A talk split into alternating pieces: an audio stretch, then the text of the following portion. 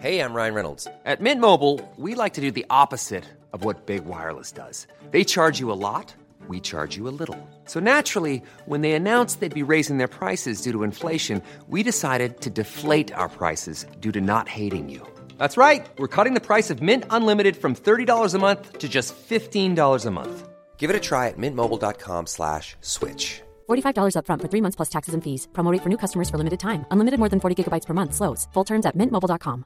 Ready to pop the question? The jewelers at BlueNile.com have got sparkle down to a science with beautiful lab grown diamonds worthy of your most brilliant moments. Their lab grown diamonds are independently graded and guaranteed identical to natural diamonds, and they're ready to ship to your door. Go to BlueNile.com and use promo code LISTEN to get $50 off your purchase of $500 or more. That's code LISTEN at BlueNile.com for $50 off. BlueNile.com code LISTEN.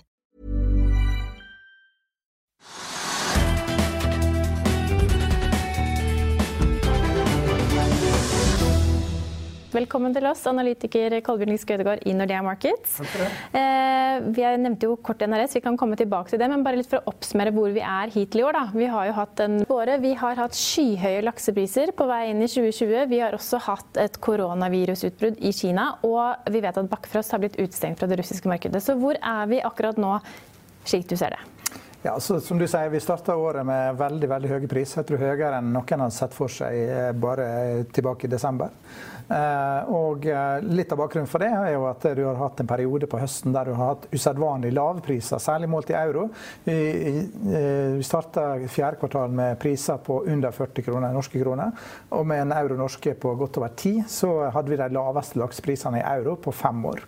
Det er jo sånn som normalt sett virker veldig stimulerende på etterspørsel. Og det har vært veldig mye kampanjeaktivitet i Europa. Og den etterspørselen på de kampanjene kom jo samtidig som oppdretterne trykker litt på bremsa, fordi at tilveksten inn mot jul, vinter, kaldere i vannet, den avtar. Så du får et helt annet Du fikk et ordentlig sånn stemningsskifte i markedet gjennom desember, og det fortsatte for full musikk gjennom januar. Og så var nok prisene såpass høye, det var jo på høyt 70-tall, at det var jo bare et tidsspørsmål før de skulle ned. Alle venta på kinesisk nyttår. Når det var på en måte i gang, så kom i hvert fall etterspørselen til 6 pluss til å falle. Som er den best betalte vektklassa. Og så kom koronaviruset, som du nevner. Så har det vært eh, eh, fokus på Russland. Det er jo først og fremst de chilenske selskapene som i tur og orden har blitt utestengt eller fått restriksjoner på, på, på, på Russland. Og så meldte jo også Bakkefrost at de, de, var utestengt for litt siden. Men det er en problematikk vi norske eller norske oppdrettsselskaper kjenner veldig godt til. Vi skal jo ikke langt tilbake før flere norske oppdrettsselskaper eller småselskaper langs kysten ikke fikk levere inn til Russland. Mm. Tror, tror, man at denne utestengelsen for, for Bakkafrost vil gjelde lenge? España? Altså, generelt, Det er mange selskap, både færøyske og chilenske, som er enten utestengt eller midlertidig suspendert. Det vi, hvis vi skal bruke erfaringer fra den tida Norge, Norge hadde åpen adgang på Russland og enkeltselskap ble utestengt, så, så, er det gjerne sånn som er en midlertidig situasjon. og Så har man inspeksjoner, så har man forhandlinger, og så klarerer man etter hvert inn igjen volumer. Men det skaper en del støy, og den fisken som ikke selges til det russiske markedet, den skal inn i andre marked. Og i hvert fall i januar da, så har jo Kina vært et sånt marked. Det har gått veldig mye fisk fra Chile til Kina. Og den er jo stengt nå, både for chilenerne og for nordmenn. Det betyr at den fisken som chilenerne har, den fisken som er fra Færøyene, den fisken som er fra Norge, som skulle vært i Asia, den må finne nye marked.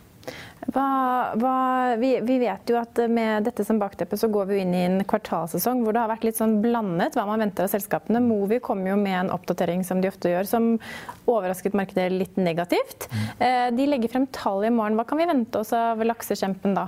Nei, altså, eh, som du sier, Movi har jo allerede letta på sløret ganske mye gjennom den tradingoppdateringa som de kom med 16.1. Eh, så det pleier Movi sine kvartalsoppdateringer eller kvartalsrapporter pleier jo ikke å, inneholde så mye overraskelser.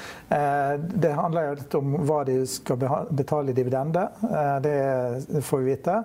Og så får vi selvfølgelig sett det fullstendige regnskapet. og Gjeldsnivå, gjeldsnivå har de for så vidt rapportert, men, men balansestruktur osv. Og, og så vil de da oppdatere på volumguidinga si. Normalt sett så er man så tidlig på året at det, det skal mye til at man endrer på de volumguidingene som man har satt for 2020. Da. Eh, så, så, så jeg tenker det at eh, det er Normalt sett så er det lite overraskelser knytta til Movi sin resultatframleggelse. Men hva er det du har i fokus i morgen når konsernsjefen kommer opp på talerstolen og skal snakke? da? Hva er det du kommer til å lete etter, eller hva blir viktig signalementet for hvordan 2020 og 2021 blir? Nei, det jo, I det korte bildet så vil man jo på en måte gjerne grave litt i hvordan verdens største lakseselskap ser på situasjonen i markedet rundt det med koronaviruset og, og på en måte de utfordringene man har både på Russland og på Kina. Eh, det er jo selvfølgelig et, et opplagt spørsmål. Og så har du selvfølgelig det med, som går på biologien i Norge. Eh, vi ser jo med den kostnadsnivået som f.eks. NRS rapporterte i Nord-Norge i fjerde kvartal, så er det klart at det, eh, vi frykter nok at kostnadsnivået nå i snitt har passert 40 kroner i Norge. Eh, og det er jo, eh, så det kryper jo stadig oppover her, da. Ja. Den nedgangen vi ser hos NRS i dag, ned 5,3% som du sier, høye kostnadsnivåer per kilo produserte laks. Er det andre ting som Vi har jo snakket flere ganger om at NRS er et sånn type oppkjøpskandidat, eller at eh, dette er et selskap som kunne bli plukket opp av en større aktør, eller man kunne se for seg noen fusjon. Hva tenker man om NRS akkurat nå? Ja, altså det er jo, Et selskap med en relativt åpen aksjonærstruktur er jo selvfølgelig en kandidat for det. Samtidig så skal vi også huske at NRS, hvis du ser på eiersitsen i NRS, så er det lite finansielle aktører som er på topp ti-lista. Det er dominert av industrielle eiere. Det er kanskje et litt lengre og mer langsiktig fokus enn enn Og det er litt krysseierskap med andre selskap.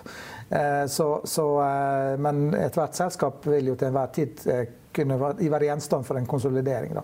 Så det, det, det, vil jeg ikke spekulere på her. Da, så, men det som vi ser, er at NRS har i motsetning til andre selskap, så har de faktisk gått ned i hvor de har solgt en region. sånn at de har tatt ned volumet sitt. De har negativ vekst eh, i det korte bildet. Men samtidig så har de også eh, sterk vekst i et eh, tilknytta selskap på Island. Eh, de skal opp 150 vel i volum eh, fra 2019 til 2020. Og så har de også et spennende prosjekt i Arctic Fish Farming, eh, som er det prosjektet som de har fått utviklingskonsesjoner på. Så det er mye spennende i NRS på sikt, men i det korte bildet så er det, er det, har de negativ organisk vekst i og at de har solgt, eller negativ vekst i at de har solgt Region Sør. Og reaksjonen i markedet i dag er et resultat av høye produksjonskostnader, eller er det generell usikkerhet rundt det at de nå får negativ vekst på kort sikt? Nei, Det er det første. Fordi at eh, man overraska negativt på kost. Man eh, var eh, rundt 25 under konsensus på tallene sine. Det betyr at analytikerne justerer ned estimatet for 2019, og sannsynligvis også estimater for 2020, fordi man ser at man har lagt for lav på kost. og Da, da, man, da blir selskapet dyrere på børsen, og da, da får man gjerne en, en sånn korreksjon. da. Kanskje ikke så store overraskelser, i vente fra Movi i morgen, men så kommer Grieg Seafood på mm. torsdag. Eh, det er jo et selskap som har hatt en, eh, i hvert fall en kurs, fantastisk kursoppgang de siste mm. årene. Mm. Hvor er Grieg Seafood akkurat nå? Eh, Grieg Seafood er et selskap som har, eh, som, har eh, som du sier, hatt en god verdiutvikling, i likhet med sektoren for øvrig. Eh, de har kommunisert en ganske sterk vekstprofil. De har levert på veksten. Eh, de starta for et par år siden og guidet på 100 000 tonn for 2020. og Det eh, har de holdt fast på, og det er det de fortsatt har som target. Og så har de også sagt at de ønsker å gå til 150 000 tonn, gjerne ved hjelp av oppkjøp.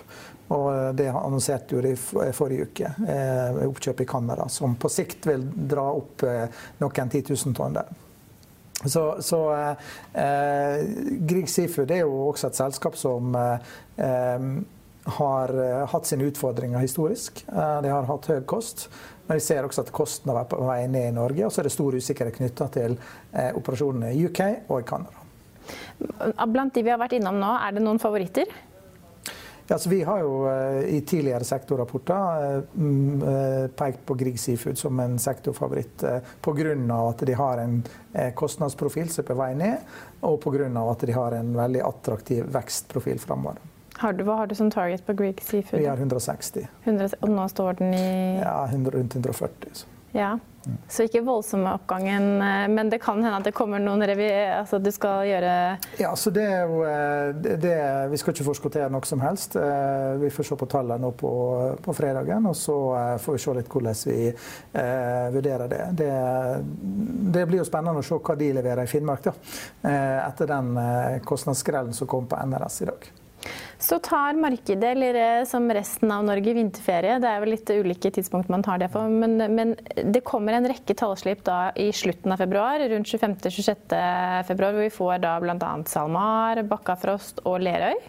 Eh, hva kan vi vente oss av disse selskapene, og er det litt det samme som det vi har sett nå fra NRS og kanskje får se fra Movi og Grieg Seafood på torsdag som blir gjeldende? Ja, jeg tror eh, når vi er ferdig med denne uka her og ser hva disse tre selskapene som rapporterer nå, rapporterer så tenker jeg at tonen er veldig satt for eh, de fire siste selskapene også.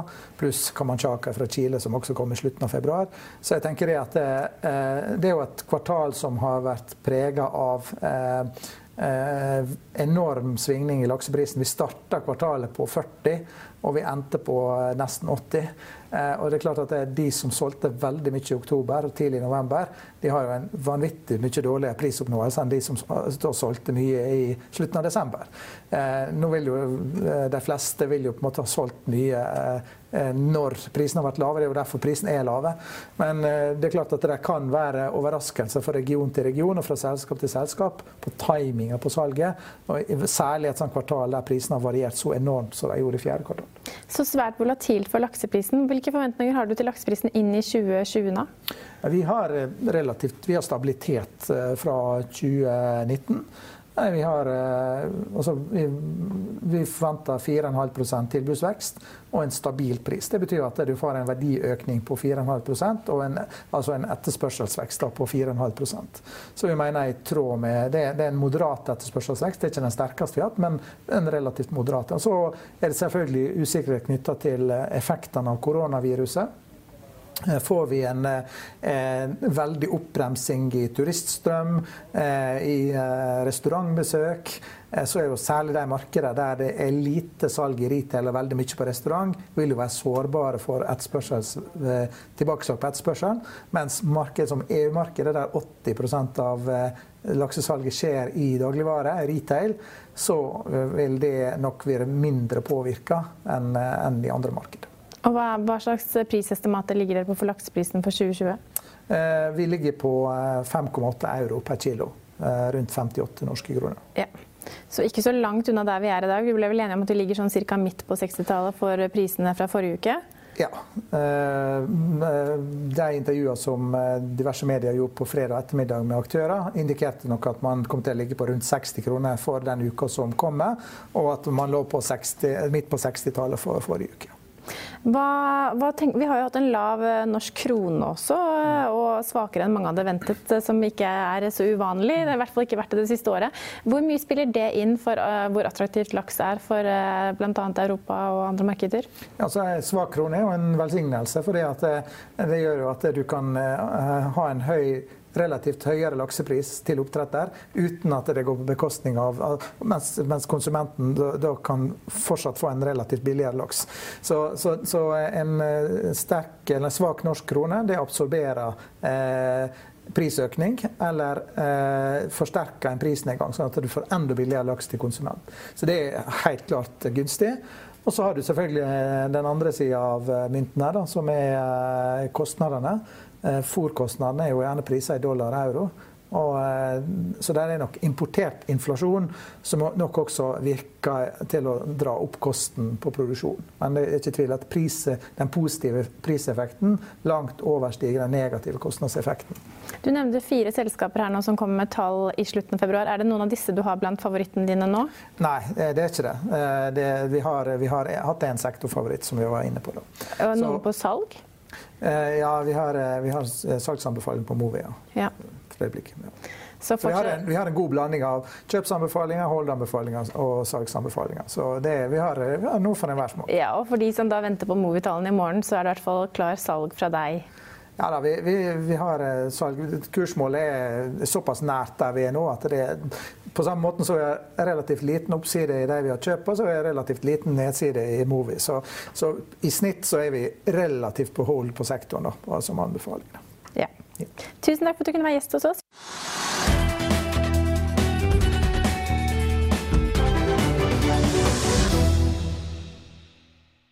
Økonominyhetene er en podkast fra Finansavisen. Programledere er Marius Lorentzen, Stein Ove Haugen og Benedikte Storm Bamvik. Produsenter er Lars Brenden Skram og Bashar Johar.